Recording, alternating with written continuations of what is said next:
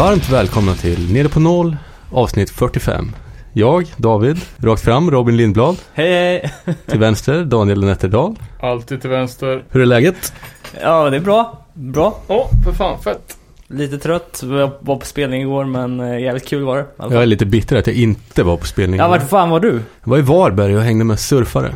Okej, det låter i och för sig rätt gött. Var det bra eller? Ja, för fan, det var jävligt kul. Ja, vad ska man säga? Ja, jag tycker vi sammanfattade det rätt bra på vägen hem. Det var bra häng, bra band och eh, ja, bara kul att se att man kan stå på en spelning oavsett vart man kollar så ser man en polare eller två. så att, Men var det inte jävligt mycket folk? Eller? ja, det var ju... Jag såg någon bild, jag tyckte, eller jag får mig att jag läste typ 250 pers. Ja, jag tänkte säga 120, men det, det var ganska mycket. Det var ett stort ställe också. De hade flyttat upp det till ett nytt place i Södertälje. Eh, som var jävligt grymt. Eh, för, för större arr.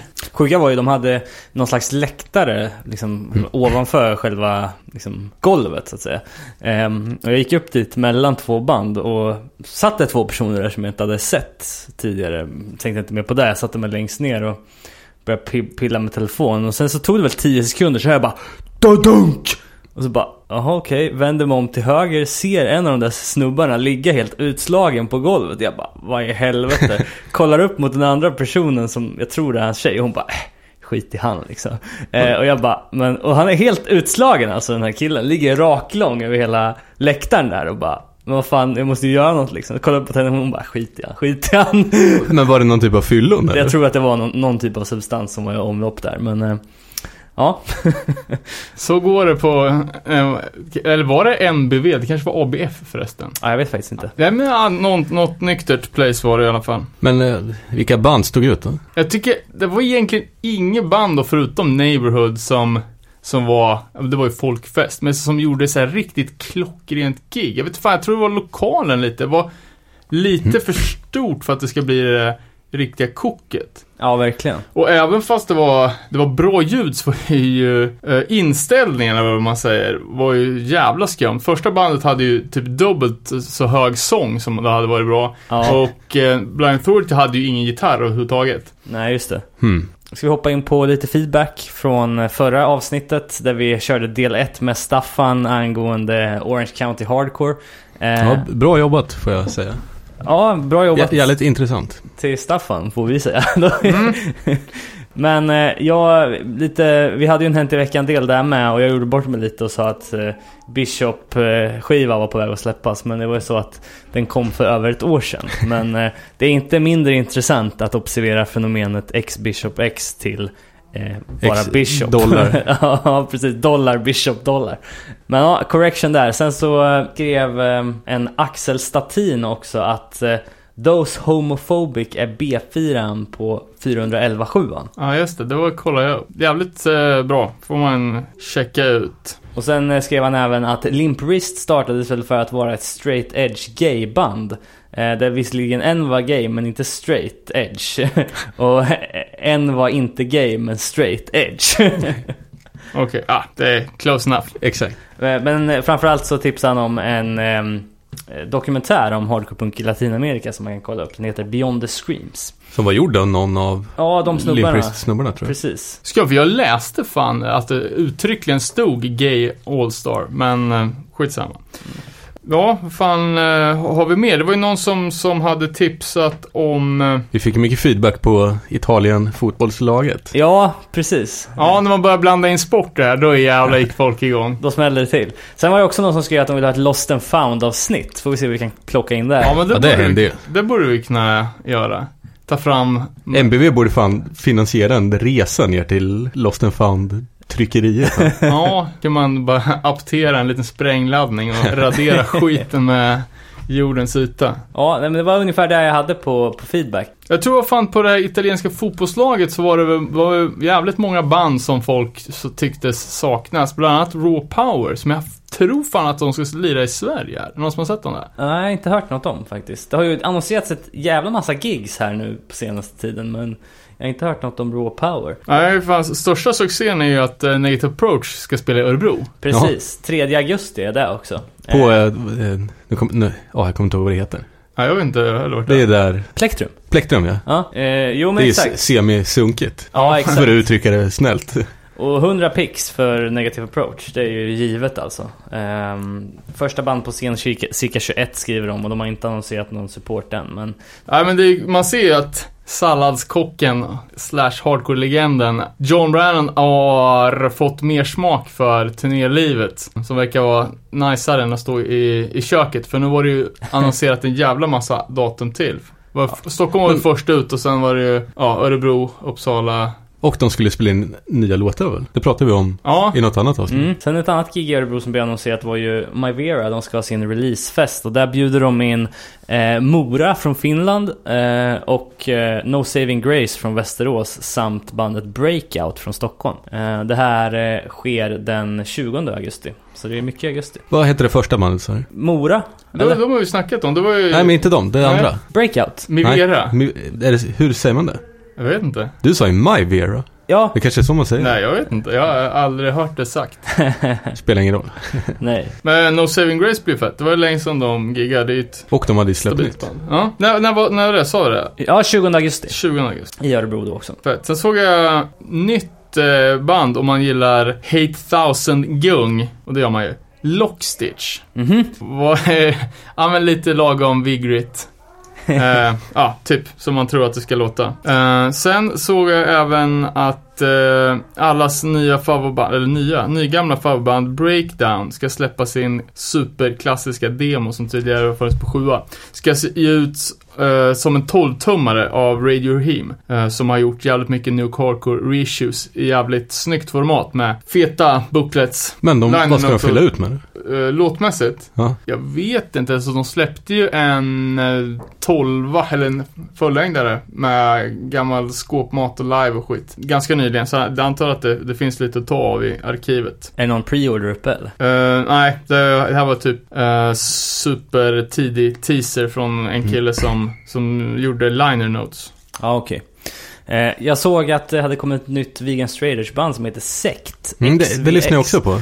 Ja, det, det är lite intressant för det är ju folk från Cursed, Fallout Boy, Earth Crisis och Catharsis i det här bandet. Det- Redan där klickar man ju direkt. Ja, eller hur? Det var den jävla mest udda kombon jag hört. Och det är enda gången Fallout Boy och Earth Crisis har varit i samma mening. Nej, men vad fan, vi sa ju det. Fallout Boy var ju någon som, som ja, med de- Focus Minds och som... eh, Och de hade blivit stämda av American Nightmare för att sno texter tror jag. Jaha. Okej. Ja, Och uh, Fallout Boy släppte ju tidigare på Uprise Records som är han Sean, vad fan han heter, Hardline-mannen. okej. Han som hade Hardline Records, hans nya bolag. Jaha. Och uh, Earth Crisis skulle ju släppa All Out War på Hardline Records från början, innan den hamnade på Conviction. Okej. Så cirkeln sluts alltid på något sätt. Hur Verkligen. vi ska rodda in de här andra uh, dudesen vet jag inte, men det går säkert också. Nej, men jag kan säga rakt av att bandet är... Den här releasen var inte så värst. Ty, ty, jag tyckte det lät Nej, ganska jag tyckte gött det var alltså. jättetråkigt alltså. Den tredje låt, det var jävligt mycket metal. Ja, och det var jävligt mycket, jag vet inte, nästan kä- kängigt liksom. Ja, ja men nästan lite krustigt ibland. Ja, precis. Ehm, Men en låt var ju helt annorlunda. Den var ju rätt långsam med typ gitarrmelodislingor. Den aha, var jävligt okej. god. Jag lyssnade bara på två låtar så jag kanske missade den där som du Ja, snackade men de om. två lät ju typ likadana och Ja. var rätt korta. Precis. Det var de två första som låg på Bandcampen. Eh, eller på Soundcloud kanske var. Eh, hur som helst, Sekt XVX kan man ju kolla in. Det skulle ju Eller- släppas på Death Wish, så ja. Ja, precis. Ja, då vet man ju hur det låter. Ja, typ. Snackar inte vi om X da Sect X? Jo. Oh, exakt. Ja, men de var ju med i eh, landslaget. Burrow Heavyweights. Det är, och om man vill lyssna på sektband så är det föredra kanske. Sen så var det lite nytt från Norden. Jag såg att det var något band som heter Tvivler. Har ni hört talas om dem? Nej. Det är... Ursäkta. Folk från band som Children of Fall, Obstacles, Town Portal, Lack. Jag vet inte om det är några av de banden. Jag känner inte igen ett enda band. Nej, Alack är väl något gammalt norskt 90-talsband där för mig. okej. Ja, det dök upp i alla fall. De har släppt en ny EP. jag spinnade två låtar men det lät... Ursäkta, fy fan vad jag hostar. Väldigt annorlunda. Ta över för fan. Hade du något nytt? Och vi kan köra en liten, liten, liten paus. Du ska bara fortsätta där för helvete. Lyssnade du på den nya Fury då? Nej, ja, jo det gjorde jag. Jävlar vad bra det var alltså. Ja. Jag tyckte det var så jävla bra. Eh, de, Sist på den bollen förmodligen, men... Ja, det är den här Paramount-plattan va, som Mm. de streamar på Triple B. Precis. Så Ja, kollade jag upp om man skulle beställa den. Den kostade ju det var 24 dollar i frakt. Ja det är ju vansinnigt. För en 15 dollars skiva. Ja. Fy fan. Ja men det svängde ju fan bra mycket bättre än många andra nya releaser. Ja, jag tyckte det var så jävla bra. tiden. Sången var ju pissbra. Ja, och låtarrangemangen och allting. Det var nästan som att det var lite power metal-vibbar där mellan, Ja. mellan riffen. Men eh, nej, sjukt gött faktiskt. Fick så dåliga vibbar till typ na- namnet lät, lite- lät inte så jävla bra. Såg inte så jävla coolt ut. Ja, just det. Jag såg att eh, du var inne och kollade pre-ordern på Triple B, eller? Ja, För de släpper den ju på allt, liksom. Ja, Både kassett och- kassett och CD och hela kittet. digitalt. Digitalt var det bara 10 dollar frakt. Det var ändå gött. Sen har jag ett annat band som ni kanske känner till, Mind Over Matter. Eh, Long Från Island. New York? Ja, nu- ja, Long Island. Jag har inte lyssnat så mycket på. Har fått för mig att de inte är något bra. Vad är det med dem? Nej, om du inte har lyssnat så mycket på dem så kan, kan det vara ett bra läge nu. De har nämligen lagt ut allt sitt material på Bandcamp gratis. Ehm, så det kan man kolla in om man... Kan även köpa allt deras material på vinyl på Discogs, typ gratis. Ja, okej. Wreckage Ja, men det kan, Records. kan vara en bra punkt att starta. Ja, jag ska inte sitta här och dissa, jag är fan lite dåligt inlyssnad men jag vet mycket väl vad det är. Men sen såg jag eh, Nails är i ropet med nya plattan som nu ligger på Billboard-listan. Oj, You'll never be one of us. superhypat va? Alltså från... Jag såg att typ Dave Grohl hade lagt ut någonting om dem. Lite Så pass? Ja. Men bi- är, jag, jag vet ingenting. Är Billboard, är det så här? Alltså tävlar de mot typ Kanye West och sånt då? Ja men ja, det är väl allas lista. Ja, Billboard All- Top allting. 100 Det är- väl största listan liksom för musik i USA. Det är bra jobbat. Ja. Eh, sen har vi ett annat band som potentiellt skulle kunna ligga på Billboard. Det är Life of Agony som har annonserat uh, ny LP. Det är något att se fram emot då. Ja, och Mina Caputo är med på, mm, tror det är senaste avsnittet av The Jasta Show. Eh, A Place Where There's No More Pain heter plattan. Följer ju en ganska rak linje textmässigt. Kan bli bra, kan också bli inte så bra. Kommer under sommaren då eller? Ja, jag vet inte när. Men det var ju omslag och skitklart, så det är väl nära förestående. Okej. Sen har jag bara på, på Jasta Show ganska rolig, bara introdel till något annat avsnitt. Eh, när han snackar om en snubbe som, eh, ja, i hans sista önskan då, vill bli kremerad i en Hatebreed-tröja och utspridd över scenen på ett gig. Va? Eh, vilket Hatebreed såklart gjorde, allt för fansen. Vad hade de gjort där? Ja. Det är lite... Finns det ingen myndighet som sätter stopp för jag sånt? menar det. Det låter ju helt sjukt. Tydligen inte. Only for the diehards. Ja, jag såg. Lyssnar ni på nya Turned Out of Punk då? Eller senaste? Nej, Det var med Walter, Gorilla Biscuit. Ja, okej. Jag vet inte hur man säger Fan, det är si- efternamnet. Det är sista Gorilla Schreifels. Biscuit Schriefels. Nej, vad fan, vänta nu. Ja, just det. Ja, men precis. Ja, han har ju varit med fan i massa poddar. Jaha. Ja, det var bra. Eh, ja, det var ju jävligt bra. Han är ju lite av en ja, men musikalisk eh, generator, hela den. GB, Civ, Quicksand, ja, hela den klicken och massa bandar till. Okej. Så det kan vi rekommendera. Eh, sen såg jag att Mike Judge var med på senaste avsnittet av Edgeland. Just det, som kom bara här igår eller förrgår eller. Ja. Tyvärr så var det ju inte ett enda ord som jag inte hade hört förut. Eh, om man har lyssnat på den här dokumentären som fanns i fem delar på, var det Vice eller Noisy som gav ut? Noisy ja, tror jag. Just det. Eh, ja, total upprepning av det. Fokuserade extremt mycket på hans barndom och hur han kom in på, eller typ hur han blev nykter. Att han eh, fick stryk inne på CBGB så, ja, vet fan, samma. Det är fortfarande bra och eh, värt att kolla upp. Men jag hade ju velat hört, hört lite mer om till exempel tiden i Judge. Eller ännu hellre eh, tiden efter Judge. Ja, för de har man ju inte hört ett ord om. Jag hade inte så här, The- Smokies eller någonting. Spelar typ så här rock. Ja, Biker-rock typ. ja men precis. Mike and Old Smoke. Old Smoke heter det, just det. Smokey, ja det... Den andra dudes. Ja, såg även att eh, de svenska skatepunk-pionjärerna Slam hade annonserat en ny sjua. De måste ju vara lite till åren då eller? Ja, det är de ju definitivt. Det var ju, fan, vi snackar väl mitten på 80-talet. Ja, de var med på Trasher Skate Rock Company, jag tror det är nummer två där de öppnar. Wild Riders of the Board om jag inte minns fel. Jävligt stenhård låt alltså. Eh, ja, fan, vi skrev ju en lång jävla intervju till dem som vi skickade iväg, men som de gav blanka fan i att svara på. Okej. Ja, det är fullt upp med att skriva nytt material. Ja, exakt. Det kanske Ja. var där då. Eh, jag såg också att det här jag nämnde i förra podden om The Backpatches of New York City har fått Mm. en ny En ny release. Okej. Eh. Ja, de som var var ju bedrövliga ju. ja, men det blir, det blir bättre. Det blir, I den här editionen så kommer DMS, One King Down, Marauder Grind, Chromax och lite sånt. Så det kan man gå in och kolla på. Okej, Det direkt. Ja, jag ska ge det en chans till då. Eh, och för att hålla oss i New York så är ju veckans eh, edition av sjukaste matchen. Jag såg nu Cicorol våtservetten. Va? Vad är det sant? Eh, dock tror jag faktiskt inte att det var bandet själva som låg bakom den här. Jag såg det på Instagram som har fotat. Eh, från en restaurang. Eh, men då var det... Men var det bara den här log- tribal-loggan Ci- eller? Cicorol, ja men tribaldraken. Det stod ingenting om Ah, Sikoftal nej, eller något? det gjorde Det var någon som hade snott grafiken kanske? Precis som, var det Mob Deep som snodde den? Ja. Jo, jag tror fan det. De hade sett det någonstans och tyckte att det var fett.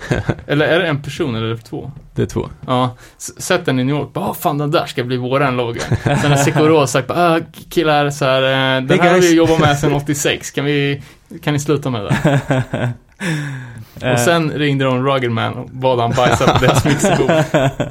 På tal om det så är en NAS-dokumentär på Netflix i morse. Det kan jag rekommendera. Okej, Det var rätt bra. vad var det som var så bra med den då? Uh, nej, jag vet inte, det var intressant att se. Okej. Den Illmatic är en jävligt bra skiva. Ja, Det typ handlar ju om hans uppväxt okej. Kronolog- kronologiskt. ja men lite såhär, klassiskt. Komma från The Project så. Ja, just det. Sweet. Eh, jag såg att eh, i januari så mm, släppte ett band som heter Ascend Descend. Har ni hört talas om dem? De släppte en eh, EP som heter Murdoch Street som det nu har kommit upp en pre-order på i fysiskt format. Det här är alltså då folk från eh, Give Up The Ghost. Eh, eller ja, American Nightmare Give Up The Ghost. Eh, trummisen därifrån. Eh, och sen lite annat folk. Eh, som... Fan, jag känner igen namnet men jag har inte lyssnat. Jag lyssnade på två låtar från den här releasen och det, jag tyckte fan det var svängigt. Eh. vad var det? Typ snabb hardcore eller? Ja, lite åt American Nightmare-hållet tyckte jag. Fast det är en kvinnlig sångare istället då. Men finns att lyssna på på Soundcloud. Ehm, och pre-order finns uppe på eh, skivbolaget som ska släppa den som är Dead Tank Records. Sen har vi ju eh, årets, eh, senaste veckans tragiska bortgång av Peter Adam, eller vad heter? Amdam. Ja, just Eh, det. eh, norsk Youth Crew-pionjär och eh, hardcore-legend får man väl ändå, ändå påstå. Eh, som eh, spelar väl i ett av de absolut tidigaste Youth Crew straight edge-banden i, i alla fall i Norden och kanske även i, i Europa. Mm. Um, Onward som släppte första sjuan redan 1990. Uh, med där brorsan Torgny sjunger och uh, Peter spelar gura. Ga- ganska solid för att vara så tidig. Låter ja, men jävligt wide awake betonat. Ja, och sen gick han även vidare i For Pete's Sake då. Som hade Däremellan Sportswear. Ja. Ja, just det. Och For Pete's Sake hade ju fan nytt material på gång. Så får vi se om det någonsin når. De släppte väl en ny LP nyss? Jaha. Jag vet inte om den är från, den är ju från årsskiftet 2015-2016 och den har ju hyllats som, ja men typ årets platta om, eller så att den, eh, jag har aldrig kollat upp dem för jag tycker bandnamnet är så risigt. Jag antar Mm. att det Jag är, tyckte omslaget var jävligt snyggt dock. Ja, ja men så bara färger liksom. Ja. Jag antar att det är liksom någon, alltså de syftar på den gamla Sicoverall-låten och sen då, att, det, att de gör bandet för, för Peters skull. Liksom. För, Men är, är så- inte For Pete's Sake ett talesätt? Ja, det typ? kanske, det jag tänkte så bara typ såhär, vad fan vi måste starta ett band för, för gubbens skull så han får. Ja, nej, jag, skrika av sig. jag tänkte mest att det var, man brukar ju säga så här när man är förbannad på någonting eller man inte får fram När sin man synpunkt. fuck, liksom bara, så For Pete's sake. Ja, exakt. Jaha, okej. Men det, är- Men det kanske- är säkert lite med namnet också antar Ja, jag. exakt. Trippelantydan. Ja, exakt. Eh, och för de som var inne i, i Youth Crew-svängen på, på 90-talet så var ju Sportswear ett av de största banden, och, ja, speciellt här i krokarna liksom. De spelade ju med, med Floor Punch på, ja, på första giget på, på skylten, det var väl typ 98-99. Och ja, de har ju varit husgudar i, i, i Sverige och jag vet att det står ju ett Sportswear-altare någonstans i, i Linköping. Verkligen. Eh, Building Dwelling Thinking, den väl den enda fullängdaren som Sportsbar gjorde, jag gjorde tre sjuor också, är ju jävligt, jävligt grym och den släpptes ju av Ray Capo som, när han hade fan kan det bolaget heta nu då? Inte Soulforce, det hette ju... Ja, skitsamma. Nej, på Ray Capos bolag, och det är den enda releasen som inte är anknuten till Ray Capo själv. Liksom. Ja, ja. Så han gjorde ju spoken word med, eh, ja, Ray Capo spoken word, massa kälteprylar eh, och lite såna grejer. Ja, Tråkigt rest, in, rest in peace får man ju säga. Verkligen. För jag här, jag så skam för jag började följa honom på, på Instagram bara för typ två veckor sedan. Jag har varit gärna så här fascinerad över vilka, att jag, jag kom ju in på det genom att man såg någon så här obskyr, eh, typ platta eller någon sån här skivsamlingsgrejer. Jag hade sett så här Raid-kassetten, gamla, typ hardline-band från 1990 liksom, från Minneapolis eller någonting. Så bara massa sådana grejer. Och sen så varannan bild var så sitter med rosa finskjorta typ i Norges motsvarighet till Spybars gubbrum. Alltså jag var helt fascinerad. Kolla som fan på de bilderna. Så bara, vad är det för människa? Så är han, är han Youth Crew eller är han så Brat? ja, vad fan, tråkiga, tråkiga nyheter. Ja, verkligen. Och vi fick ju inskickat också bild från när Turbo spelade på Bråvalla var det väl, igår? Ja, exakt. Hur de hade For Pete's Sake eh, T-shirt. tröja. Mm, hylla. Något annat som hände i veckan var ju att eh, Rick Talife visade nyllet. Eh, det var ju så att det började florera en video när han spelar på någon slags Back Alley Barbecue eller någonting eh, på, under ett partytält med endast en gitarrist och ett PA. Eh, det har ju sen kommit fram att den här gitarristen är en notorious nazi. Eh, som har en eh, YouTube-kanal där han spyr ut sitt hat. Eh, ja, jävla märkligt. Det var ju många som tyckte att det här var väldigt eh, jag, Roligt. Jag, jag, kan knappt kolla. Det var ju pinsammare än att kolla på The Office eller någonting. Alltså. Det var ju, åh. Ja, ja, ja. 30 sekunder så bara, det här går Jag kan inte sitta och titta på det här.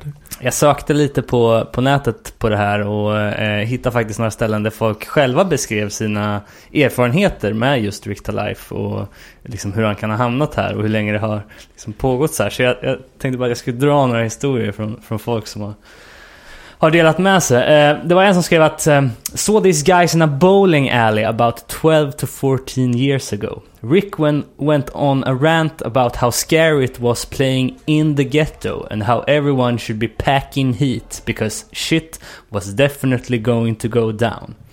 After all, they just don't get us. He encouraged us to make sure that our car doors were locked and the windows were up since he didn't want any of us to get robbed. he ho he'd hold the set for us and wanted us to run out and double check. uh, ja. ja, det är rart ju. Ja. Han vill ju allas väl. Verkligen. En annan, um, en annan skrev att uh, One of the first shows I ever played was opening for 25 to life. This was 2003 or 04. Um, before the show, I got into the band's room and I see the whole band smoking the reefer. Uh, not a big deal, but the guy has X's tattooed on his hands. Not too surprising. Uh, och en annan skrev uh, My old band played with them in like 2009 and he was wearing a bulletproof vest. Um, him and his band also only played half a song and then stopped because nobody was getting down. Så det är, ja, några små blänkare från... Men jag, jag, fattar inte riktigt hur det här kan ha sånt jävla nyhetsvärde, för när den där filmen kom upp, jag fick den mejlad till mig från typ 4-5 pers. uh, och ja, jag vet inte. Sen så kom det ju fram att, att gitarristen, att han var en white power snubbe. Ja. Då kan det väl bli lite snackis, men när jag fick det skickat till mig så var det ju bara, bara det faktumet att de fanns liksom. Ja, precis. Det var... Men att de spelade utan trummor så var väl det roliga? ja, jo men ändå. jag vet fan. Ja, speciellt minst sagt. Jag ska väl även tipsa om ditt band, Danne. Som har släppt sin första kassett. Ja, fan. Efter 11 år. Ja, sagt. Det tog ju lång tid, men nu jävlar är den, är den ute. Spelat, vi spelade in sex låtar i, i påskas och det var ju precis när jag hade brutit foten också. Så jag, jag ligger ju i en jävla fåtölj och, och sjunger. Men det funkar, funkar bra ändå. Ja, svinbra. Eh, finns att beställa på eh, Dollar Green, eh, antar jag. Yes, it does. Och uh, kolla på en rolig YouTube-video som du har gjort. Ja, fan vi är jävligt, jävligt händiga. Um, och en rolig hemsida hade ni också. Uh, vi, har, vi, har, vi har allt som är... Fullt mediepaket. Ja, men som allt som är... Uh, alltså, hela tänket med det här bandet, vi är ju... Vi hypar ju New Hardcore uh, från 83 av band som börjar på bokstaven A. uh, alltså Agnostic Front, Abused och Antidote. Typ. Och sen äh, lite, lite, uh, lite Oj, lite tidig Orange County. Uh, men hela känslan ska ju vara liksom retro. Så istället för att lägga upp det på Spotify så körde vi ju ett YouTube-klipp direkt ur bandan så att det ska bli så här skönt lo-fi sunk. Ja men det är svingött alltså. Jag tycker vi nästan kan lyssna på opening track där. Ja, men vad fan, eh, precis. För det är ju den låten som är mest Orange County Hardcore-betonad. Knyter bra in till dagens tema som är Orange County Hardcore avsnitt 2.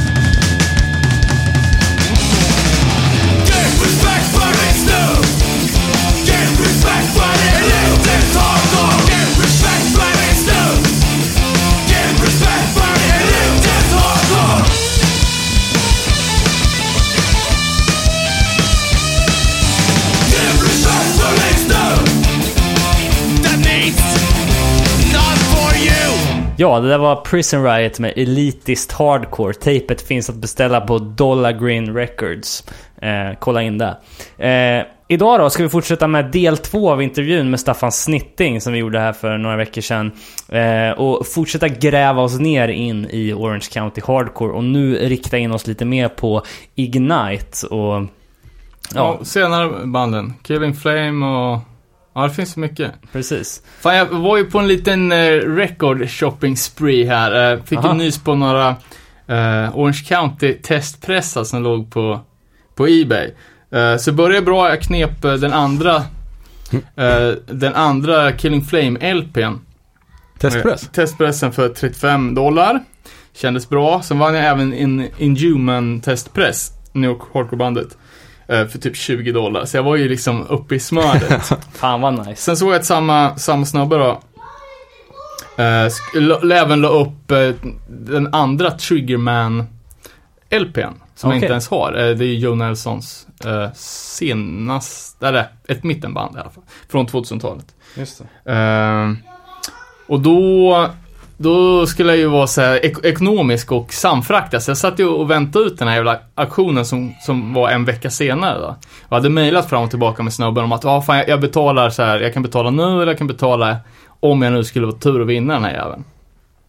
Eh, Så satt jag där framför datorn och fem minuter kvar eh, och det låg ett bud på fem dollar inne. Så tänkte jag, fan det här kanske kan bli någonting. Ehm, sen så, ja, inte fan vet jag, ringde telefon eller någonting. Eh, så glömde jag bort det.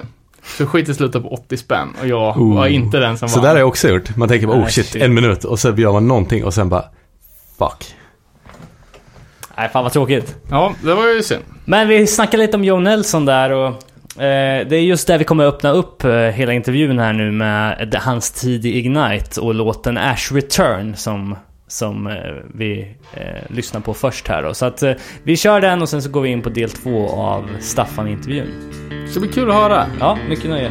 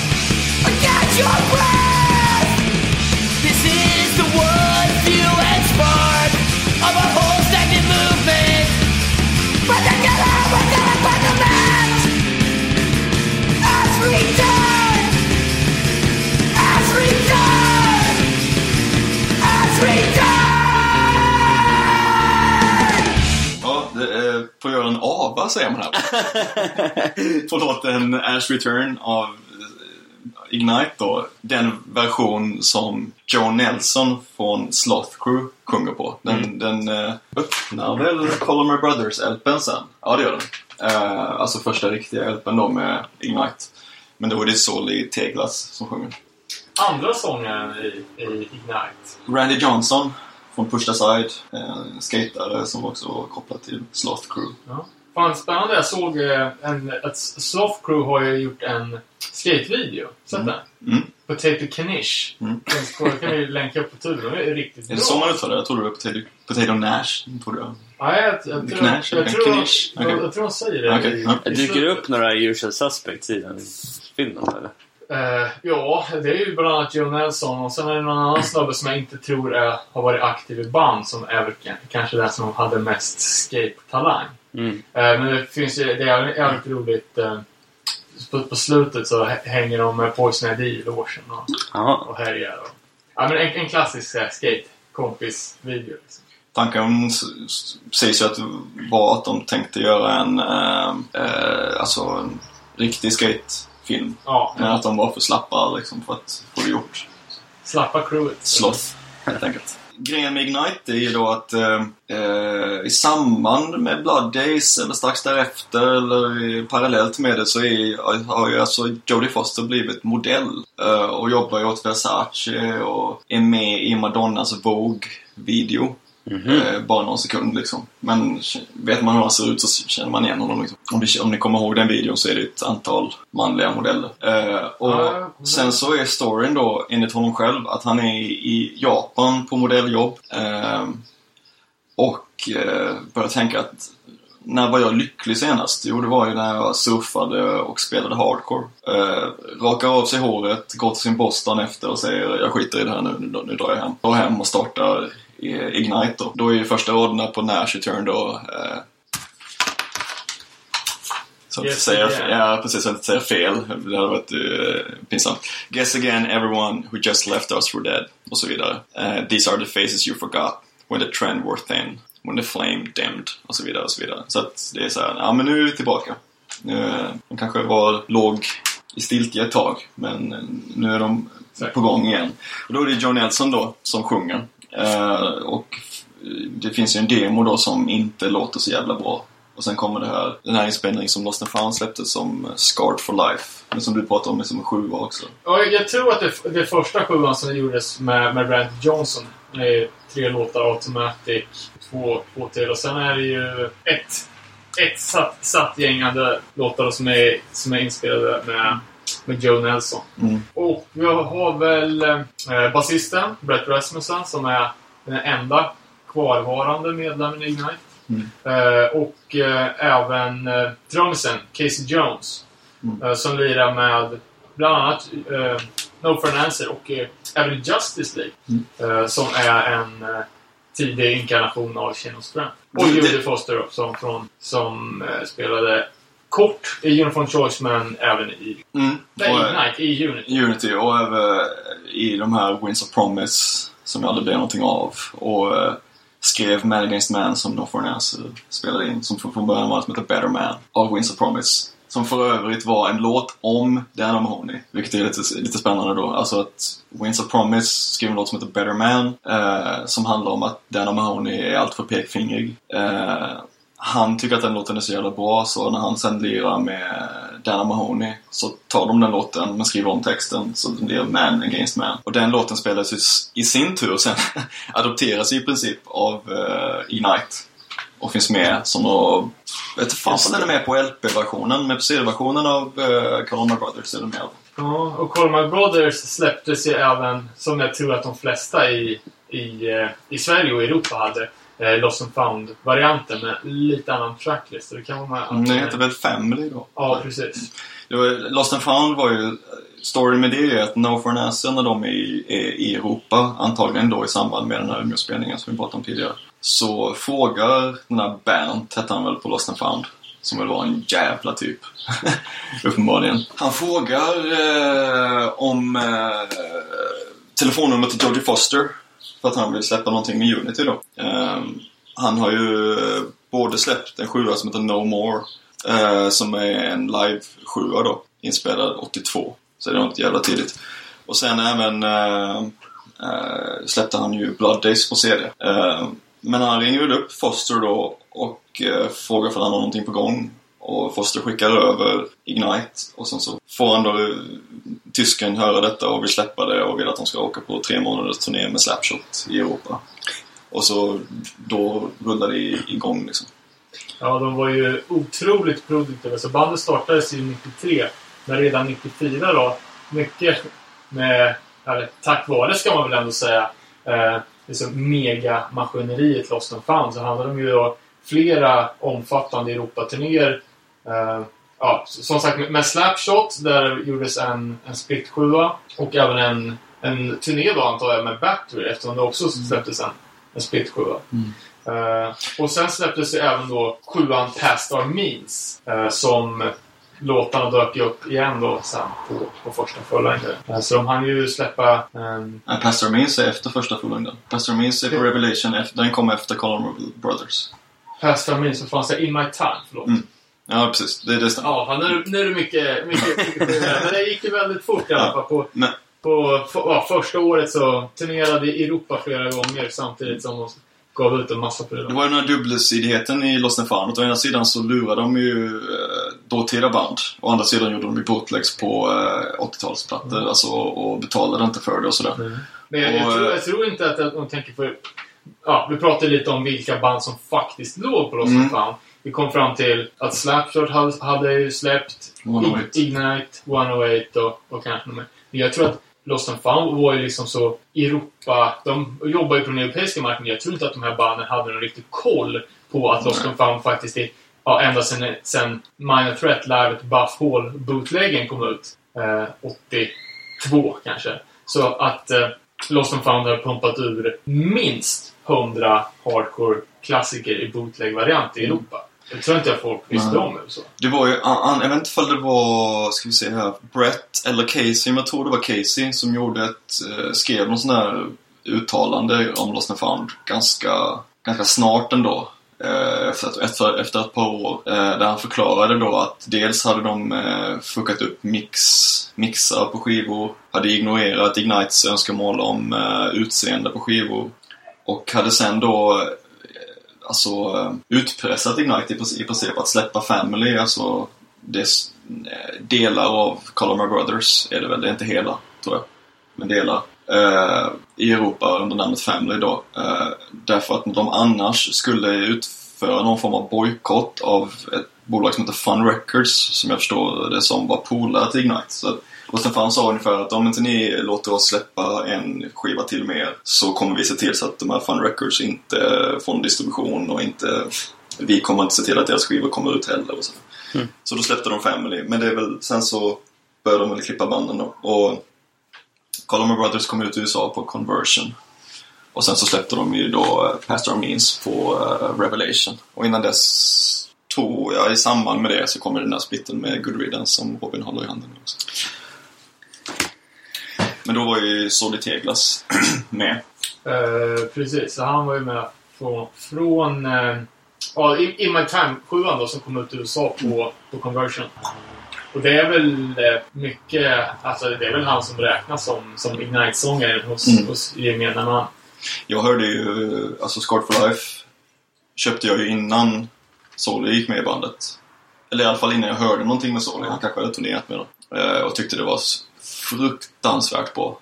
Och det tycker jag ju fortfarande att de här låtarna är svinbra. Det, jag skulle önska att det fanns en, en riktig eh, vinylutgåva av den som inte är någon ful tysk eh, bootleg, halvbootleg-aktig sådär. Ja, den är dessutom gjord på Picture Disc. Det där vidriga. Ja, jag har den bara, jag har den bara på CD. Så uh, Lost and found CD-versionen, de, de låtarna. Jag skulle jättegärna ha dem på ett, på ett lite roligare format. Ja, vad man kan säga om sången är att eh, de tidiga sångarna ha- hade ju inte den extrema sångkapaciteten som Nej. Slowly har. Men känslan är ju där, så även fast det spricker lite och skaver lite ibland så är det ju alltså, fantastisk jävla känsla och inlevelse. Jag älskar ju eh, framförallt John Nelsons röst, men även Rennie Johnson på här, de här inspelningarna. Ehm, på demon så hör, håller det inte. För det, han, han ligger, John Nelson ligger ju på gränsen till att det ska vara så jävla falskt så att det skär i öronen liksom. Men det, precis som du säger, det är som känsla i det. Och det, det kommer ju tillbaka sen i The Killing Flame som vi väl kommer till snart. Jag såg Ignite när de har släppt Past Our Means då, 12 på Revelation. Som ju är helt fantastisk. Det skulle jag nästan tycka är det bästa de har släppt. Ja, Eh, den. Eh, då spelade de ihop ett band som heter Scared Straight, som från Kalifornien. Kanske till och med från Count. Tror de var också från Oxnard? Ah, okej. Eh, nu är det möjligt. Men då eh, spelade de på, eh, vad fan hette det här stället i eh, Köpenhamn? Eh, Löppen. nej. Eh, nej, det, är på eh, Norrbo. Det var samma ställe som Converge och Colosseum och eh, Integrity spelade för tio år sedan typ.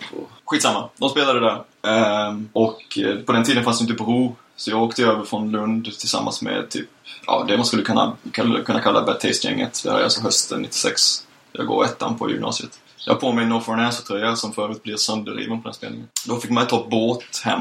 Och missade man sista båten fick man hänga hela Fick natten man liksom. Ja, man fick hänga i Köpenhamn liksom. Och eh, jag var ju längst fram och eh, sjöng med och hade med och härjade. Så att jag missade ju när alla stack. Så, så jag blev ju ensam kvar. Eh, så. Men sångaren i Pride Bowl som var amerikan. Pride Bowl släpptes ju, var ett skatepunkband som släpptes av eh, Bad Taste. Såg att jag var där så att han tog mig med upp i, i eh, backstage med Ignite och, och då ville ju Ignite bjuda på sprit. Och det var ju alltså, jag, jag blev helt knäckt liksom. av- Jag, jag, för att eh, jag tror det var så att Lost and Found hade marknadsfört Ignite som ett straight edge. Ja, vilket, vilket, vilket det aldrig var. Men däremot så var det så att de hade en låt som hette eh, Straight Ahead. Eller vad fan hette den? Ja, Straight Ahead har de ju också. Nej, inte Straight Ahead. Vad fan heter den? Jo, Straight Ahead heter den. Ja. Och, eh, som är med på andra låten då på uh, Call My Brothers. Uh, den första textraden är You call us hypocrites, you're wrong. Ja, Och så bara, "Ah, fan! Ni kan inte ha en låt som heter Straight Ahead, inte vara straight edge och sen prata om hypocrite. Alltså, Ja, det, det är väl, som jag uppfattar det så har ju eh, alltså personer i bandet har ju säkert varit straight.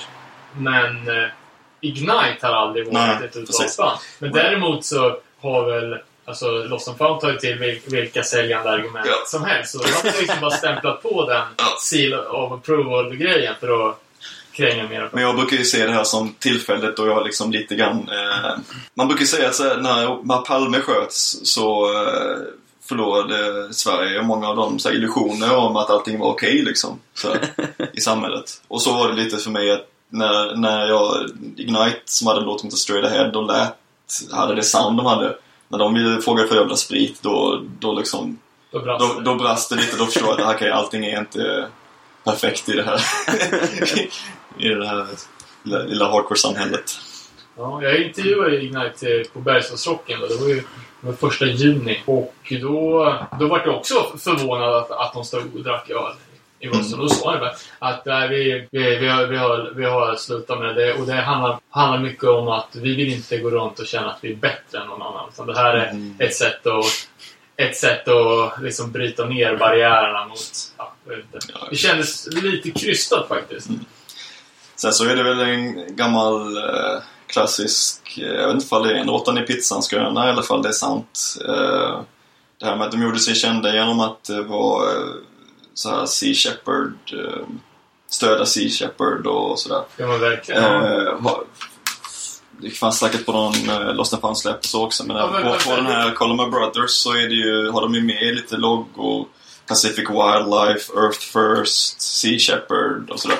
Medan de, vad jag förstår det om, som eh, eh, åt kött samtidigt. Vilket nog var en och annan i den svenska scenen som hade samma upplevelse då som jag hade vad det gäller spriten backstage i Köpenhamn. Att, eh, vad fan, vad gör det här bandet egentligen?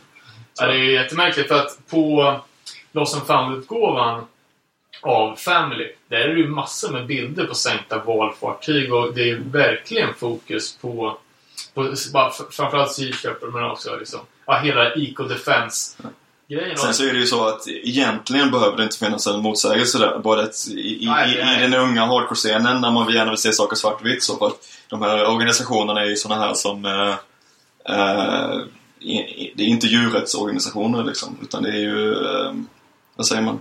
Vad blir det svenska översättningen av preservation-grejer? Ja. Alltså så att de vill ju att Bevarelse. Ja, men att det är okej att äta fisk så länge man inte fiskar ut vattnen. Liksom. Alltså i Ja. princip kan det ju vara så. Liksom. så att, eh, men ja, som sagt, man vill ju gärna se saker som svart och vitt när man Ja. är 16-17 och inne på hardcore. Ja, och Ignite gjorde även en Benefit uh, 7 för, för Shepherd. Och det var en CD också. Ehm, och de hade ju liksom den... Är det det som är splitten med Exacto från eh, Portugal? Nej, nej, det- är en eh, annan grej. Det kan vara så att Exacto-grejen är en... eh, är någon typ av uh, välgörenhetspryl också. Ja, vad länge sedan jag såg den där skivan. Jag kommer Mm. inte ihåg så mycket av Men exakt. det här är, nu håller jag i min hand alltså Exactos egna skiva. Eh, där det också är en massa såna här Exacto supports the following organization. Så är det Earth First och Sea Shepherd. Det är ett band från att de eh, har- Portugal. Då. Väldigt smäktande låt om vatten på den där. Det är möjligt. Eh, Det är ju, att de är var väldigt sjukt. speciella. Det, Ja. det, det, de är snabba, lite eh, Orange County-influerade, men de har också en saxofon. Vilket är ju helt... ja, det kommer jag inte ihåg. Nej. En snubbe med en Rikers tröja här på bild också. Eh, det, den, är, den är... Ja, nu ska jag säga att det var ganska länge sedan jag lyssnade på den här, men jag tyckte den var jävligt bra när den kom, 95. Vad är det på omslaget? Vatten. Ja, okej. Nej, men de är ju liksom, eh, har ju väl, alltså, mer eh, eco-defense-attityd än Earth Crisis. Och jag tycker liksom att... Ja, det kändes i alla fall kändes det sådär. Men när de hade så här mycket men, loggor och liksom så här, ja, med konkreta organisationer. Snarare än, alltså, det var många som sa liksom, ja, bli vegan eller dra åt helvete. Men det här var så jävla konkret. Liksom, de, hade, de har låtar liksom som Ja, som låten Family som handlar om, om vargjakt och de är så superspecifika. Um, De var kanske lite- liksom, som lite rovfiske och... ibland lite lättare att förstå kanske. Vissa av Crisis-texterna framåt Destroy Machines och uh, Gomorras var ju... De är ganska tunga ibland att läsa liksom. Medan uh, Ignite-texterna var ganska lätt att förstå där kanske. Ja. Och liksom, ja.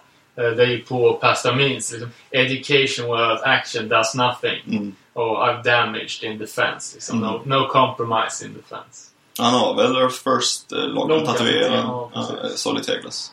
Ja, det är spännande allt det Men alltså varken vegan eller straight edge? Äh, jag, alltså jag, det där köttgrejen som sagt, det kan vara råttan i pizzan äh, myt eller sådär. Men äh, ja, Ja. jag tror att det, det ligger nog någon sanning i det.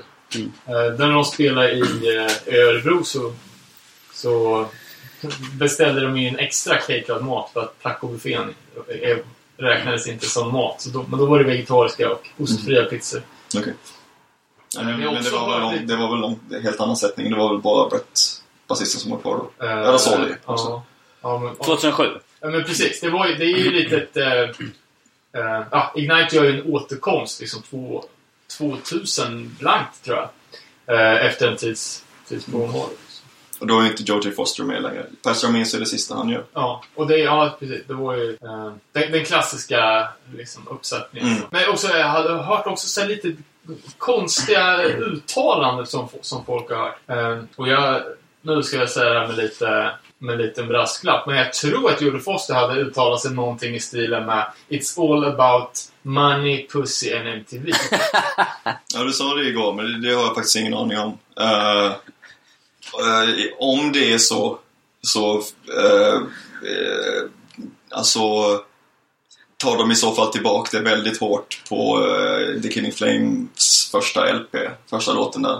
Där det är Fuck your corporate bullshit, bullshit Ja. image, image, fuck your MTV och så vidare. Som Jodie Foster spelar på. Så att, eh, jag vet inte, det kanske var en passning för att liksom eh, visa att de har ändrat inställning. Jag har faktiskt ingen aning. Men sen så är det ju, jag vet inte, jag har svårt att tänka mig att eh, det där var mer än ett dåligt opassande skämt. Liksom. Ja, men exakt. Och man vill ju, alltså, jag har ett Ignite-tatuering och det är mina absolut värsta, största liksom, favoritband. Mm. på den här jorden. Och då blir man så här lite, man, man, vill ju, man vill ju ha sådana hjältar på en piedestal liksom. Mm. Men det är klart att folk, folk kan ju säga opassande saker och folk behöver inte vara så, såna idealister som man själv tror. Liksom. Nej, speciellt om de bjuds på eh, backstage-sprit på någon spelning i Tyskland. Själv är jag idag supernöjd att jag aldrig skaffade den där champion-tatueringen. kan jag Ja, säga. Ja, jag har ju en blad för blad-tatuering, eh, vilket ju kan vara lite tråkigt även om de, de kickar ut han Buddha ur bandet liksom. Men, ja. Ja, jag har också blad för blad tatuering. Så, eh, men eh, ja, det, ja, nya Ignite då? Jag... generation två. Generation 2, 2.0. Mm. Jag intervjuade ju Brett för Close-Up i samband med Ja, men just den här eh, nya skivan.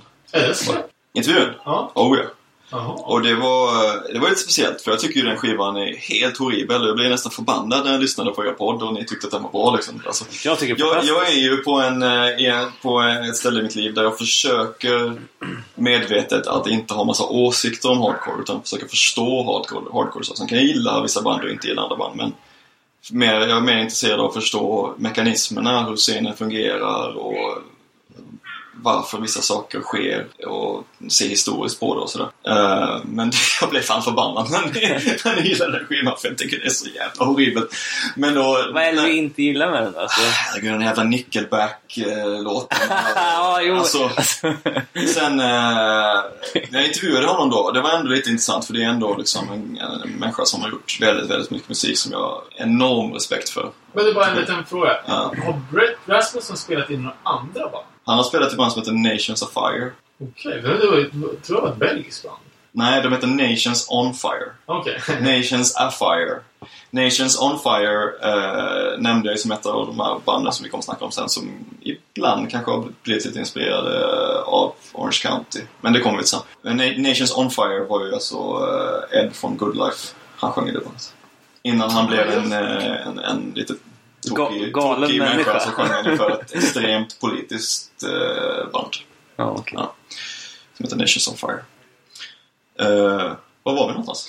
Vi snackade om intervjun med... Ja, just det. Ja, Ja. nej, men det var, det var ändå intressant att snacka med honom liksom, och vi pratade om, eh, de har ju låtit skivan om eh, eh, flyktingvågen från eh, Mellanöstern och att det är amerikansk politik som har ställt till det och sådär liksom. Så de var ändå ganska, det var, det var en sympatisk eh, man och sympatisk intervju liksom. Eh, för på senare tiden så har man fått, jag vet inte riktigt vad man baserar det på, men att eh, de är uttalat antikommunister och det är alltså mest beroende på Solis förfluten i, i Ungern. Eh, och, och hur, eh, ja, hur hans eh, familj flyttade därifrån för att de inte gillade den sittande regeringen och pratar mycket om det. Men man får så här ganska, jag vet inte, högervibbar på dem. Nej, jag tror inte det. Alltså, mer, mer på det, alltså, det amerikanska. Ja, men eh, när jag snackade med honom om det här liksom, eh, om i samband med flyktingfrågan och sådär så tyckte jag han var klockren. Mm. Han pratade ju också om eh, då att eh, ja, amerikanska utrikespolitik och han drog kopplingar då till eh, Soli och sådär. Ja. Deras familj som flydde en gång i tiden och eh, nu, nu eh, de kom till USA och nu orsakar USA att andra människor måste fly. Ja. Och sådär, Ja, de, är ju, de har ju låtar om ja, men, antikrigslåtar liksom och eh, väldigt... Eh, man blir precis mot en... Sjunger de Halliburton på... Ja, Halliburton dragit det. Ja, precis. Och, och eh, eh, sen har de också sjungit om veteraner och sådär som inte Ja. behandlas väl när de kommer hem. Och, ja. Så de har ju haft det perspektivet också, alltså ett, vad säger man, sociopolitiskt perspektiv Ja. på, socio- socioekonomiskt eller till och med ibland klassmässigt, eller, ja, på gränsen till klassmässigt perspektiv, på låtar. Alltså. Ehm, så jag vet inte.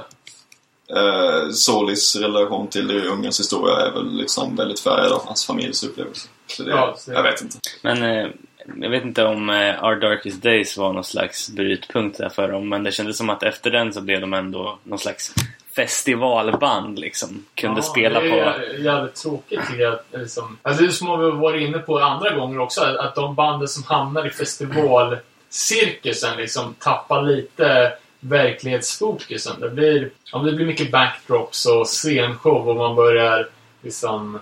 Framförallt, framförallt får man ingen möjlighet som fan av bandet att gå och se dem i en mer intim miljö. Så de säger måste också åka det på... att, jag vet inte i den här inför nya plattan, de gjorde en liten så, eh, inspelningsdagbok på lopp. Eh, och jag vet inte vem det är som säger, men också att eh, de har gått ifrån eh, det rena basljudet som har varit så supersignifikativt för alltså Orange County Hardcore överlag och Ignite liksom, för att det ska passa mer in eh, och inte skära sig så mycket egentligen mot övriga band som, eller som vad, vad en fe- festivalpublik kan förvänta sig av ett hardcoreband. Det ska låta mer som terror, typ. Jag tror att det där är också en... Eh, å ena sidan kan det vara så att de tar sådana steg. Å andra sidan tror jag också det kan vara så att band... Eh, alltså stenen i rullning. De får, det är svårt, får man erbjudande att göra något stort turnépaket så kan det vara svårt som band, om, speciellt om man ska livnära sig Ja, på sin musik. Ja, man ser Att säga, att säga nej. Och när de väl gör de spelningarna, då måste de ha en jävla backdrop. Därför att annars, är de på den där stora scenen så ser det ju löjligt ut kanske utan den backdropen. Och då, då är det på något vis en, eh, en sten som är i rullning som man kanske inte alltid har kontroll över själv. Liksom. Medan vi som står vid sidan om kanske tycker att vad fan hon är på med. Vad är det så? Att vi inte kan identifiera oss med det. Men eh, hade man själv stått där så är frågan vad man hade gjort. Liksom. Mm. Kanske inte senaste Ignite-plattan. Men den hade man inte gjort. Men eh, Men vad, vad tycker du om uh, Hard Darkest Days då, som plattan som kom innan? den, den tycker jag är, är jättebra. Mm. Eh, jag tycker att den är... eh, jag tycker ju att det liksom blir eh, lite mindre bra per, för varje skiva. Jag tycker... Uh, Bästa minns var höjdpunkten. ja, ja, men vad fan heter första LPn nu då? Vi har ju pratat om den en gång. Ja, Call My Brothers, ni är fan med. Den tycker jag är den bästa LPn. Pastor Means tycker jag är bästa släppet. Den kom faktiskt efter det. Sen, sen eh, eh, vad fan heter LPn nästa LP då när det är Ignite 2.0?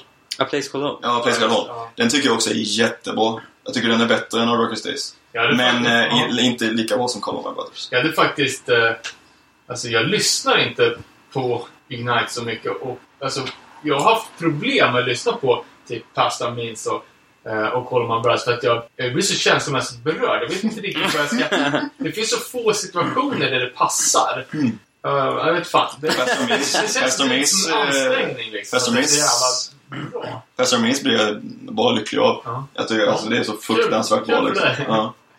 Ja. Men det är ju när man har band som man tycker är sådär bra så man kan inte bara sätta på det för man måste verkligen lyssna på det liksom. Det är inget man kan Nej, ha i jag skulle aldrig bakgrunden. kunna sätta på Pastor Means och sen försöka sova liksom. Nej. Jag bara, ja, Eller jobba eller...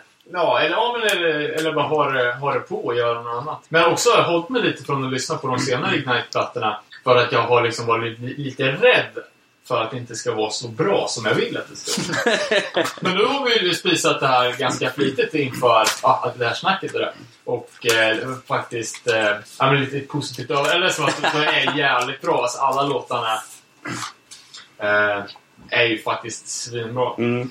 Eh, och jag var ju sjukt skeptisk till, till nya. Jag tror att det var jag som stod för skepsismen mot den senaste Ignite-plattan. Eh, men då inte så mycket mot kanske låtarna, även fast vissa grejer är lite sådär.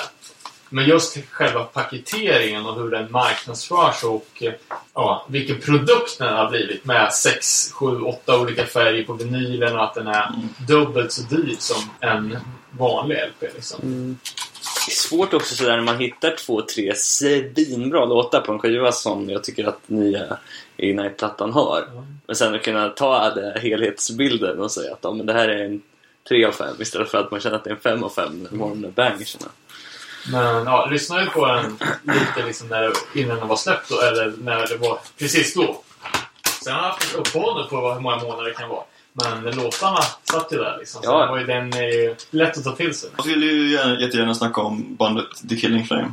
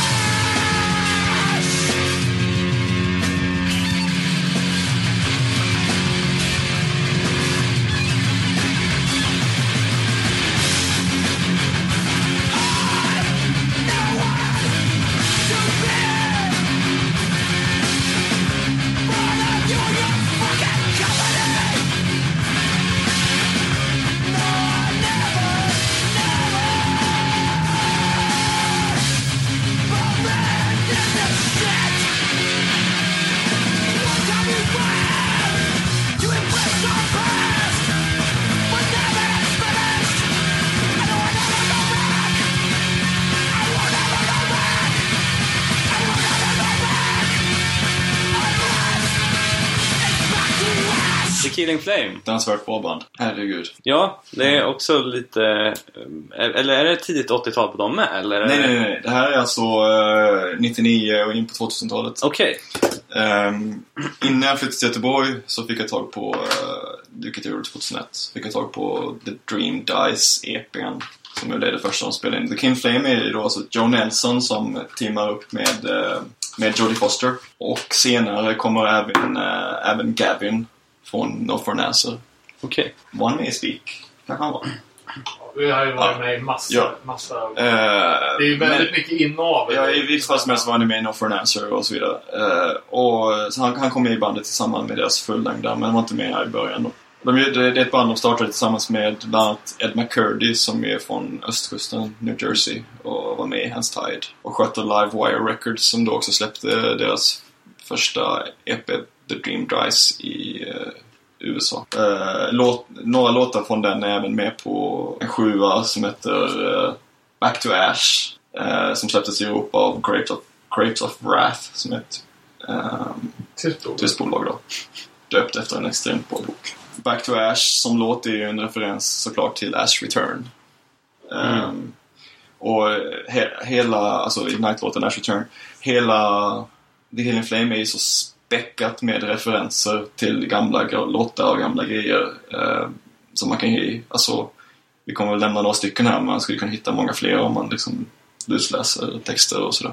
Det som är intressant med det här bandet tycker jag, förutom att, det är, att de liksom har det, det soundet som är typiskt för John, Joe Fosters låtskrivande och så då att John Nelson som var Ignites originalsångare sjunger. Eh, det var alltså ilskan och de, de, de, de, de ilsket politiska texterna. John Nelson sjöng ju då Ignite och liksom skrev någon smäktande ballad där om att han aldrig har varit kär och Sen sjöng han i Triggerman som liksom inte heller var så jävla eh, dra åt helvete politiskt liksom. Medan The Killing Flame då så har han liksom tvärtom vad andra kan- ofta kanske gör så är han typ 30 och plötsligt är han svinförbannad. Och skriver alltså politiska texter som Orange County, i den bemärkelsen Orange County som vi snackar, inte har sett tidigare. Um, så. Ja, för de säger det liksom att Orange County var i början ganska, en ganska sluten scen. Uh, och att det var väldigt mycket worship runt Unity och Uniform Choice. Men när Utah Today från, från östkusten kom ner uh, det är ett roligt citat. Någon säger liksom att det, det in två, två korta snubbar med stora näsor. Det här kan inte vara någonting. Men sen att de var... Eh, Uniform Choice säger We care, we care, we care. Men här kom det snubbar som sa vad de faktiskt brydde sig om. Ehm, Mm. Och att, eh, ja, men att, det, att det, ja, det kanske saknas lite så här, sakpolitiska grejer. Det är på, på redan på den här Europautgåvan då av eh, de är första inspelningen då som är från 99 med The King of Flame. Eh, så är det ju liksom ett, ett Lenin-citat på textkonvolutet. Och han sjunger om Marx i en låt. Eh, som är, finns med både på den här, en låt som heter Fading Fast som är med både på eh, Europa 7 och även på eh, den amerikanska utgåvan på Livewire. Um, ännu mer på LPn sen så sjunger han ju om röda flaggor, att man ska hugga, hugga huvudet av de rika liksom. Och, alltså gå helt bananas eh, med, med, med texter. Och det roliga med det är att Ed McCurdy är ju liksom, eh, han står ju till höger politiskt. Alltså, eh, är konservativ liksom. Ja. Alltså det blir lite tjafsigt när man ska så här, trycka texterna i häftet. Vad har du skrivit nu då? Ja, ja, ja, jag vet inte ifall han inte hade, ifall han inte hade koll eller ifall han tyckte det var så kul att göra bandet eller vad liksom. Han släppte det ändå på sitt bolag. Men jag tror att det här bidrog till att... Eh, eh, så kolla på Led McCurdy är med på den andra fullängdaren. Jag misstänker att han kanske inte är det. Men eh, det bidrog ju säkert till att bandet inte liksom gjorde så mycket. För de eh, var ju inte ute och spelade särskilt mycket alls. De kom ju aldrig till Europa. Eh, och sådär. Det där är andra plattan som du har i. Ja, precis. Den heter Nine More Lives. Jag försöker hitta vad det står, vad de har för sättning på den här skivan. Det borde stå någonstans. Det är ju Gavin från No For an Answer som har gjort de här designerna. Han är ju, han är väl duktig, men jag, jag, jag gillar dem inte alls. eh, djungel... Ja, jag tycker in- jag gillar inte de här. Ska vi säga, The Killing Flame is Casey Jones, Chris Judd. Ja, precis. Ed, Mc, Ed McCurdy är inte med längre när de spelar in sin andra fullängd. Så då har det väl skurit sig. Han vill inte längre stå för de här texterna. Men... Eh, Ja, och som vi var inne på så var Orange County ett eh, republikanskt eh, stronghold. Liksom. Jag kan tänka mig att det, eh, att det sticker ut lite. Jag, jag har för mig också att, det- att, eh, att det på CD-konvolutet någonstans är en, att de representerar något parti. Typ så, Amerikas socialistiska partier. det har jag ingen aning Det vet jag faktiskt inte. Nej, det var bara någonting som, som slog mig nu. Eh, every bullet will be meant for you. Um, vi ser vad, det är massa sådana här eh, text one-liners liksom. De har en låt som heter Flag Day då om eh, I see a red flag rising over the dark horizon. Um, you're going to the guillotine. This is the innocent to all the 10%. We're gonna fuck you all. We're gonna kill you all. It's time for our flag day. Alltså, det, det, det är ju som att det är en 17-åring som är förbannad och Mm. upptäckt politik och vill skriva texter liksom. Bara att han är 30 bast. Och så är det så jävla bra låtar också. Så det, det, det är spännande på så sätt. Jag tycker ju att det, är, det här är alltså förra decenniet, alltså 2000-talets första decenniets bästa hardcore-platta. Eh, Another Breath. Mellan vilka år var de aktiva? Jag vet inte när fan kom. Eh, den andra plattan kom, det står inte. Den är släppt på SOA, det här gamla italienska bolaget som släppte rätt mycket på 90-talet. Men det var den första som du mest av allt skulle rekommendera? Ja, absolut. Den- den Jo- heter- Jodie Foster är inte heller med på andra fullängden. Och det märks Okej. låtmaterialmässigt att det är inte lika bra. Jag finns hade en- faktiskt, alltså jag dyrkade Another Breath när den kom, men jag hade ju faktiskt, jag visste inte ens om att Sjuorna kände jag till, men att det fanns två LPs, eller CDs till, det visste jag inte om för Ja, det, det kom ju en platta som heter Save Yourself sen också. Som är någon form av... Den här kom ju bara för ett par år sedan, men det är ju en gammal inspelning. Okej. Eh, jag är lite skadad nu. Oerhört intressant omslag måste jag säga. Ja, det är återigen den här Gavin från No For an Answer som släpper... eh, det är någon Frihetsgudinnan där. Där tycker jag var snyggt. Den, den där plattan, den tredje plattan, ligger på Spotify tillsammans med, med första. Men det här är ju... Det här släppte de ju... Vad säger man? Retrospektivt, tror jag. Den här plattan. När de släppte den här så fanns de inte längre som, okej. som på band, tror jag. Utan Save Yourself hette den här plattan då. In Fraud We Trust. Ehm, men, men när Nine More Lives fanns så hade de bytt medlemmar. Ed McCurdy var inte med, Jodie Foster var inte med. Men de fanns som band. De gjorde någon turné i Brasilien som tydligen var helt fantastisk. Okej. Det finns något en, klipp när de spelar i något för brasilianska MTV och sådär. Jaha. Men, eh, ja, ja, man kan ju säga, The Killing Flame då var ju så att eh, det som hände var att eh, Jodie Foster hade låtar över från eh, Speak och från vad som var tänkt att vara en Unity-återförening. Eh, Speak-låtarna var redan inspelade tillsammans med Randy från Pennywise och eh, eh, någon mer. Eh, Medan de här tänkta Unity-låtarna inte var inspelade. Eh, Vet man var, varför Speak la ner? Nej, ingen koll. Men L- första LPn är alltså först till 50% så är det eh, de här låtar som har tänkt att bli något nytt till Unity då. Och sen så har även, hade Gavin från No For Answer kommit in i bandet vid det laget och också skrivit material. Um, och det hörs ju verkligen, det är ju verkligen eh, Orange County-soundet på den här uh, plattan. Uh, och, uh, helt, helt, helt otroligt bra. Och de har ju också samlat en massa kändisar från Orange County-historien. Pat Duar som inte har liksom eh, haft någonting att göra med hardcore på tio år minst vid det här laget. Får de in och sjunga lite eh, gästsång på första låten som heter The Killing Flame. Mm. Som är någon sorts programförklaring om uh, hardcore. I'm not being righteous but for I've wandered from this path from time to time. Det är precis det, att han har inte varit med i scenen hela tiden liksom sådär. Uh, but now I watch as all my contemporaries turn their backs and become concerned with their radio rotation, chart position and maybe royalty distribution. Well I say fuck that. Fuck your corporate punk rock image, fuck your MTV, fuck your bullshit lyrics, fuck your insincerity. This is the American hardcore scene, this is the killing flame. Stenhårt. Och det, det levereras ju så jävla, alltså, så jävla stämningsfullt och så jävla mäktigt. Ja, alltså. det är så bra. Alltså- Alltså, hade man försökt göra något sånt själv så hade det ju varit så pinsamt så man inte... Alltså, man hade ju fått gå och begrava sig själv levande efter typ. Men det här är så bra liksom. Så att det... Men, Um, han, uh, så, Patty War är med och sjunger. Tony Adolescence är med och sjunger. Uh, Randy Johnson, alltså han som sjöng i Ignite mellan John Nelson och Solly Teglas är med och sjunger. Uh, han hade frågat Zac de la Rocha och Mike Ness, men fick inte med dem till det. Eh, sen så är, är väldigt spännande också är att uh, Dana Mahoney är med på låten Red Eyes och sjunger hela texten till låten Liar från uh, No For an Answer-EPn You Laugh. Eh, som en vers. Han sjunger den jättefort liksom. Den You're a liar, don't deny it, wouldn't believe it, don't even try it, liar. Det är ju hela texten till låten liksom. Mm. Originallåten Liar.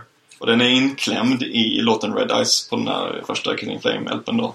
Och det är Danny Mahoney som sjunger det. Det är, alltså, det är så jävla fett. ja, om man, om man tycker sånt är roligt. Vilket, vilket, jag tycker. Och det finns även en låt som heter Better Man på den här plattan. Vilket, alltså återknyter till det här, den här Wheels of Promise-låten. Som hette Better Man, som var en diss av Dan Mahoney. Som sen plockades upp och blev Man Against Man. Survival, en låt, så pratar han om Ian McKay. Eh, han sjunger väl om ett spelställe också. Och Survival är också Ja, Outspoken. namnet på första Outspoken Precis, precis. Ett annat eh, Ja. Orange County-band som, Ja. som är värt att nämna. Och i låten Back to the Start så sjunger han eh, om att eh, After the Far Side Show uh, pratar han om någonting som har hänt då efter en spelning med Far Side. Mm. Eh, Sista låten, eh, Never Coming Back, så eh, pratar han om eh, spelstället eh, Spankies i Riverside. Eh, Those nights we came alive at Spankies in Riverside. Vilket var ett ställe där Mike Hartsfield bokade spelningar. Alltså Mike Hartsfield från New Age och Outspoken och så vidare. Allting bara knyts samman på den här plattan. Det är så jävla häftigt. För att knyta in en till då. Eh, vi- snackade om eh, After the Foresight Show. Eh, Jag har hört att Zac de la Rocha spelade i en tidig uppsättning av Far Det är mycket möjligt. Eh, Det som blev första skivan fast inte på, på inspelning. Även andra eh, plattan då, Nine More Lives, så har han en låt som heter eh, The Hardcore Generation. Där de sjunger om olika folk, men det är inte så mycket kopplingar till just Orange County. Men de sjunger om Tim McMahon från uh, Mouthpiece och Hans Tide och eh, Legends that came before and who came after. Kevin Seconds and Todd Jones. Bara droppa massa referenser hit och dit. Jag tycker det är väldigt häftigt. Ja, verkligen. Men det intressanta med i det här bandet är just att det är så hårt, hårt politiskt. På sidan av alla de här roliga hardcore-referenserna. Och, och verkligen att de har gått tillbaka till det ursprungliga Orange County. Mm. Eh, något som faktiskt var anledningen till att Ignite en gång bildades. Då, förutom eh, att de behövde, Jerry Foster behövde en ny mening i livet. Så Mm. Att de ville reclaima the old school West Coast style. Mm. Liksom som, alltså när Ignite bildades 93 så var ju hardcore på väg att bli mer snapcasifierad. Liksom. Mm. Det finns ju en story om Sloth Crew då. Eh, de åren som John Nelson inte fanns så mycket i hardcore-scenen kanske. Uh, I samband med att Triggerman släpptes ju av hardcore-bolag och sådär så de vågade liksom inte göra någon sån här sensibil-grej att de faktiskt försökte slå utanför hardcore-scenen men uh, de kanske inte identifierar sig så jävla mycket med scenen ändå. Men uh, han har ju sagt då, John Nelson, att han är rädd för att Sloth Crew Eh, blev någon slags prototyp för eh, de här straight gängen på 90-talet, typ i Salt Lake City och sådär. Vilket han då tycker är jättejobbigt att tänka på. Eh, jag vet inte ifall det kan vara det som Back to Ash handlar om då på den här första inspelningen. Som en referens till Ash Return på Ignite då. Att nu får du fan vara nog, jag vill bränna ner den här skiten. Så som det har blivit. Samtidigt som de som vill reclaima det gamla och sådär. Ja. Uh, Dan Mahoney nä- nämner ju också så här att eh, saker ja, eh, liksom eh, snappas upp av fel personer. Ehm, att de hade ju grafiker med, ja, precis som det på Unity Demo 7 en, en rakad muskulös skinnskalle. Och att, alltså, egentligen så är det ju väldigt alltså, homoerotisk Tom och Finland-stil. Men att det också varit väldigt Eh, nå- någonting som Nazi-skins tog till sig. Mm. Och Dan Mahoney såg sin egen eh, No for an answer eh, ah, med ett artwork liksom på, på en eh, Nazi-skins-jacka. Liksom. Det är Gavin som har ritat omslaget, den här Unity-skinnskallen. Gavin från eh, No For An Answer. Han har också, också ritat omslaget till Uniform Show Scream for Change. Där det syns lite diverse... Jag tror att det är Jodie Foster och lite annat folk som, som är målade som publik där. Ja, det finns ju två stycken varianter av Mm. den här också. Man ser... Jag tror att Jodie Foster inte är med på första varianten, men att han är med på den andra. Och, ja, sen, en, det är väl en av- Mm. efter ett foto. Liksom. Mm. Men har vi, har vi några andra band som, eh, som vi ska nämna? Som folk ska kolla upp? Vi nämnde ju Outspoken lite, det får man ju, de, de, de är ju därifrån. Eh, och uh, Outspoken startade väl lite grann, tror jag, när Jeff inte längre var med i No for an Answer. Så startade han ett band med eh, folk som sen var med i Outspoken. Jag tror att det var embryot till Outspoken. A Chorus of Disapproval har vi pratat om. Ja, Man undrar också vad... Man undrar också vad status för Orange County Hardcore är idag. Liksom. Finns det några nya band som är värda att kolla upp? Alltså, utöver senaste Ignite då. Men, Eh, ja, alltså som... Eh, det är ju mycket All-Star-band, men det, det senaste i raden är ju två nya band. Med Blood Days med Jodie Foster Mm. och Gavin. Gavin. Mm, och... Vi ser här exakt vad, vad sättningen egentligen är. Om det står någonstans. Eh, och kollar även på Dan Mahoneys nya band och Done Dying som släppte en LP förra året. Eh, och det är också bara... Ja, det är Kevin, Kevin Panther från uh, Instead, Chris Lohman som har lirat bas i en massa band tidigare, Dan Mahoney själv, och Mike Hartsfield från Outspoken och uh, framförallt uh, New Age Records. Mm. Det är ju... Och de här... Blood Days då, nämnde du dem? Förlåt, jag var inne Ja, egna tankar. ja, ja, ja, jag bara sa att, eh, att det Mm. fanns. Ja, det är ju då Jodie Foster och Gavin Gillespie. Casey Jones, alltså från No for an Answer, no for an answer och Ignite på trummor. Sen så är det en kille på bas som heter John Laurie här och jag undrar om inte det är, är, är inte det gamla Unity-basisten då? Ja, mycket. Fast det stavas på olika sätt. För att på den här Unity 7 så har de inte med hela namnet. De har, de har rumphuggit namnet som man säger. Och här stavas det John L-O-R-E-Y på den här Blood days -appen. Jag undrar om inte det är han. Men men. Vad tycker du om Blood Days-appen då? Ehm, Eller, det är en tolva får man säga att det är sex låtar. Ehm, jag tycker det är lite, lite konstig mix. Jag tycker låtarna är skitbra. Men lite konstig mix. Ehm, det sägs att de först spelade in den med en tysk sång från eh, han som sjöng i, i ett Göteborgsband som heter Bale på 90-talet. Ehm, men att de inte tyckte det var bra typ. någonting sånt. Så de, det är väl någon som har spelat i... In, såklart inte sångaren från Sensefield för han dog ju nu. Men eh, de här, det är han har spelat i Sensefield. Eller var det Farside? Jag vet inte. Något, något sånt här lite mjukare California-band. Ja, Jag är lite besviken. Alltså, jag hade väldigt höga förväntningar. Men jag tycker inte... Jag vet fan, jag vart inte kär, kär direkt. Men man kan Nej men eh, på. mixen är lite konstig. Det, får, det, det håller jag med om åtminstone. Done Dying då?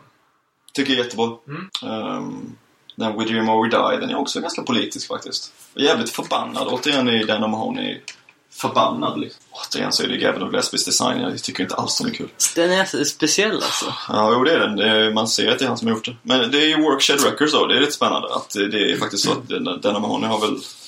Han kan väl inte ha släppt någonting på länge, men då har han gjort det. Ja, han gjorde ju Speak eh, diskografi-LPn. Sen är det ju ingenting sen... Mm. Nej, Speak, vad säger jag? Form 1 diskografi-LPn. Sen är det inte någonting sen, sen 20 år tillbaka vad jag... Ja.